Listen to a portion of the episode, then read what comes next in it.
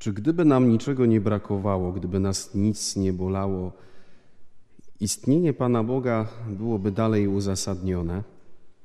Czy miałoby sens w świecie czy w codzienności, w której mielibyśmy wszystko? Zostaliśmy dzisiaj poczęstowani fragmentem 15 rozdziału Ewangelii Świętego Łukasza. Przypuszczam, że pewnie niektórzy z nas w trakcie tej Ewangelii się wyłączyli, bo już tyle razy tą Ewangelię słyszeliśmy. Jeden z najbardziej charakterystycznych tekstów chrześcijaństwa, nazywany przypowieścią o synu marnotrawnym, a może trzeba by powiedzieć, że raczej o miłosiernym ojcu. I zobaczcie, na początku przychodzi młodszy syn do ojca i mówi mu: Tato, daj mi część majątku, która na mnie przypada. Przepraszam was bardzo, ale kiedy dziedziczy się majątek? Dziedziczy się wtedy, gdy umrze tato, dziadek, ktoś krewny, gdy jest otwarty testament, albo według zasad dziedziczenia po prostu dostaje się w spadku e, jakieś pieniądze czy jakąś własność. I ten syn za życia ojca przychodzi i mniej więcej mówi mu tak: Tato, nie obchodzi mnie to, co czujesz, kim jesteś, co przeżywasz, obchodzi mnie Twój majątek, Twoje pieniądze. Daj mi je. Jeżeli Ewangelia objawia nam e, coś z tego, co, e, co jest w naszym życiu, to warto zastanowić się, czy właśnie już sam ten początek e, dzisiejszej Ewangelii nie mówi nam coś o nas samych. Ile w nas jest właśnie takiego młodszego syna, który domaga się od ojca majątku. I uwaga, większość z nas jest już oczyszczona z takiego pragnienia, żeby Pan Bóg zesłał błogosławieństwo na zasadzie ziemskiego bogactwa ale przecież jest jeszcze bardzo subtelna pokusa, w której możemy oczekiwać, że Bóg obdaruje nas majątkiem duchowym. I zadaj sobie dzisiaj pytanie, na ile jest w tobie takiego młodszego syna z tej dzisiejszej Ewangelii, który właśnie przychodzi i mówi: Nieszczególnie mnie obchodzi, kim jesteś i, i co przeżywasz, ale chcę, żebyś mi dawał, daj mi, daj mi bo mogę modlić się różańcem, koronką, litanią, nowenną pompejańską, mogę pojechać na odpust, mogę uczestniczyć w rekolekcjach, czy to odnowieniu misji świętych, czy rekolekcjach w codzienności, czy różnych innych formach i ciągle być zapatrzonym w ten duchowy majątek, który mógłby mi zaoferować Bóg Ojciec. I patrzcie, jaki jest Bóg. To jest po prostu zdumiewające. On miałby prawo zaraz tego syna ustawić do pionu i powiedzieć mu: Słuchaj, co ty w ogóle tutaj wygadujesz? Co ty sobie myślisz? Że co to ja jestem, chodzący bankomat? Wracaj do swoich zajęć.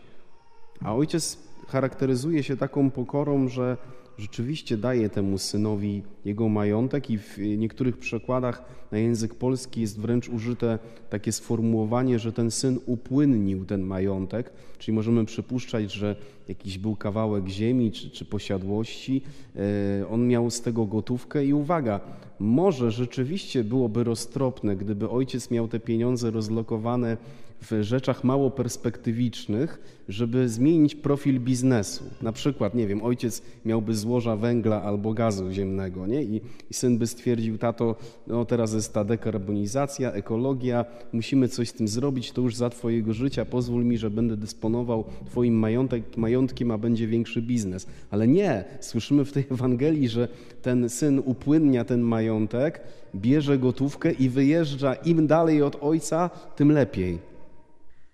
Można pewnym, w pewnym sensie pomyśleć, że to jest porażka pedagogiczna, bo jeżeli tato inwestuje w swojego syna, uwaga, nie w swój majątek, ale w swojego syna, e, zależy mu na nim, to chciałby bardzo, żeby ten syn umiał choć trochę odwdzięczyć się miłością na jego miłość. A syna interesowała tylko kasa, tylko majątek ojca. E, I może też tak być w moim życiu, nie? że że Bóg pragnie, żebym choć trochę zainteresował się Nim samym, żebym zaczął Go kochać, a ja dążę tylko za, czy gonię za tym, czego mi brakuje, za rzeczami bardzo takimi konkretnymi, za pokojem, szczęściem, zdrowiem, y, stabilizacją finansową, a w sensie duchowym za przebaczeniem grzechów, za świadomością, że Pan Bóg jest ze mną i mi błogosławi, za słowem, które On mi może powiedzieć. I ciągle coś, co może On mi dać, a nie On sam. Wracamy do Ewangelii. Widzimy, że ten syn ucieka jak najdalej, upłynniając ten majątek, i w pewnym momencie dopadają go konsekwencje jego stylu życia. Pieniądze nie trzymają się go, więc dosyć szybko je traci. Jak tu jest użyte, roztrwonił ten majątek, dosyć ciekawe słowo. I jeszcze na jego nieszczęście, właśnie w tym kraju, gdzie był, y, przyszedł głód, i jest coś, co w tamtej mentalności jest najgorsze. Tej całej, w tej całej sytuacji przymuszony idzie do chlewu zajmować się świniami, a musimy pamiętać, że dla Izraelity świnia to było zwierzę nieczyste. Nie? Więc Jezus opowiadając tą przypowieść swoim braciom, Żydom, doskonale wie, jaka to jest wymowa tego. Że ten upadek tego syna jest tak niski, że musi się zajmować rzeczami nieczystymi, niegodnymi e, narodu wybranego. Słuchajcie, jak tak popatrzymy, w końcu ten syn gdzieś tam pęka wewnętrznie, ale uwaga, nie jest to na zasadzie takiej, że przychodzi opamiętanie, że on się łapie za głowę i mówi: Ojej, jakim ja jestem synem, co w ogóle ja sobą reprezentuję, jak ja mogłem ojca tak zranić, jak ja mogłem go uśmiercić za życia. Ale Jezus opowiada, że on, doświadczając głodu, wpada na genialny pomysł, że przecież słudzy jego ojca mają się lepiej i obmyśla całą strategię. Nawet słyszeliśmy o tym. To ja pójdę i powiem ojcu: Ojcze, zgrzeszyłem. No, I okazuje się, kochani, że to nie jest za bardzo dojrzała motywacja powrotu do ojca. I znowu po raz drugi ukazuje się geniusz ojca, bo słyszymy, że kiedy ten syn już ma przygotowaną strategię i postanawia wrócić do domu, to ojciec wypatruje go z daleka. Według współczesnych kryteriów psychologii byłoby zdrowe, gdyby ten ojciec pogodził się ze stratą, ponieważ wciąż przypominanie sobie czy przeżywanie tego, że syn go w taki sposób potraktował, mogłoby pogłębiać jego traumę. Mógłby wpaść w depresję, w jakiś nauk, mógłby w ogóle mieć całkiem rozchwiane swoje życie osobiste. Ale okazuje się, że ojciec wygląda tego syna, patrzy przez okno, czy, a czasem mój syn dzisiaj nie wróci. I, I Jezus opowiadając tę przypowieść mówi, że kiedy ojciec ujrzał go, wzruszył się głęboko, wybiegł mu naprzeciw i rzucił mu się na szyję, ucałował go. I zobaczcie, mógłby ten ojciec wyjść z założonymi rękami i z bardzo wymownym spojrzeniem czekać na niego, myśląc, ciekawe, co ten gagatek teraz mi powie i całym sobą dać temu synowi do zrozumienia, że popełnił coś strasznego, że tak nie wolno cię zachowywać wobec swojego ojca. I teraz jeszcze wracać jak pies z podkulonym ogonem. Ale zobaczcie, to jest geniusz Pana Boga, że On pierwszy wybiega w naszą stronę. I mimo tego, że ten młodszy syn jest niezdolny do budowania więzi z nim, to on pierwszy chce okazać lekarstwo, którym jest miłość i miłosierdzie. Dla mnie, kochani, to jest absolutnie genialne właśnie w, w tej przypowieści, że, że Pan Bóg na naszą niezdolność budowania więzi z Nim, na to, że ciągle uganiamy się za tym, czego nam brakuje, także za dobrami duchowymi, ale nie za Nim samym, odpowiada czułością, przytuleniem, pocałunkiem w nasz policzek bardzo, można powiedzieć po ludzku, dziwna i niezrozumiała strategia.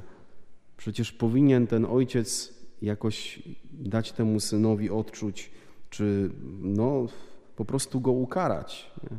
Po prostu go ukarać.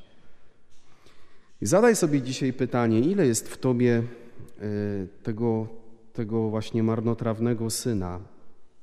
Nie mówię tutaj o tym, jakie grzechy potrafisz popełnić, ale właśnie jak bardzo może w Twoim życiu szukałeś tego, co Bóg może Tobie dać, o wiele bardziej niż Jego samego. Ja mam poczucie, że ja jestem bardzo podobny do tego młodszego syna, a z drugiej strony mam wielką nadzieję, mam wielką nadzieję, że Bóg, mój kochający Ojciec, e, na moją niezdolność i nieumiejętność budowania relacji z Nim chce odpowiadać wielką czułością i wielką miłością. Życzę Ci, abyś jeszcze w tym e, poście doświadczył właśnie tak głęboko czułej miłości Boga Ojca. Życzę Ci, żeby y, Boża miłość stała się w najbliższych dniach, tygodniach dla Ciebie czymś więcej niż tylko sloganem. Żebyś na, naprawdę na dnie Twojego serca odkrył, że z całą swoją bezradnością i biedą jesteś do końca i bezwarunkowo ukochany. Życzę Ci, abyś w trakcie jeszcze tego wielkiego postu miał dobrą spowiedź. Nie taką, gdzie będziesz jakoś wielce pouczany, gdzie wyznając grzechy od razu usłyszysz w odpowiedzi, y, co ty sobie myślisz, kim ty jesteś, dlaczego tak postępujesz, ale żebyś miał dobrą spowiedź, w której odkryjesz, że, a może wprost usłyszysz od swojego spowiednika, że y, odpowiedzią Pana Boga jest jeszcze większa czułość i że to On pierwszy wybiega w Twoją stronę. Podziwiam dzisiaj, kochani, y, wielką cierpliwość Boga Ojca, który widząc, że często po prostu nie potrafimy budować więzi z Nim, nie potrafimy zainteresować się Nim samym, wciąż bardziej i bardziej i bardziej i bardziej nas kocha, bo wierzy, że przyjdzie taki przełom w moim i Twoim życiu, e, kiedy będziemy zdolni odpowiedzieć na to przykazanie, którym y, zostaliśmy obdarowani jako dzieci. Będziesz miłował Pana Boga swego całym swoim sercem, całym swoim umysłem i ze wszystkich swoich sił.